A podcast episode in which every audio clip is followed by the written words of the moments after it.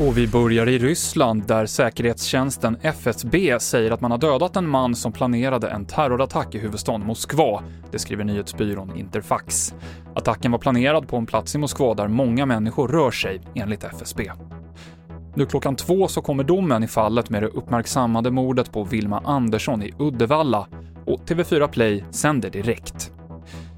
Fotboll nu. Allsvenska AIK sparkar sin tränare Rickard Norling efter en svag inledning på säsongen och förlust igår i derbyt mot Djurgården. Och det här kommer inte helt oväntat, säger Fotbollskanalens krönikör Olof Lund.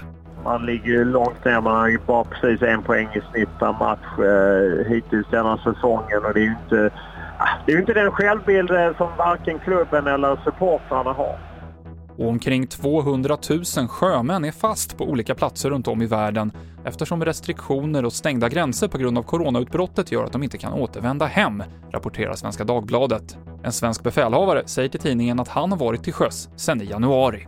Och det var TV4-nyheterna med Mikael Klintevall.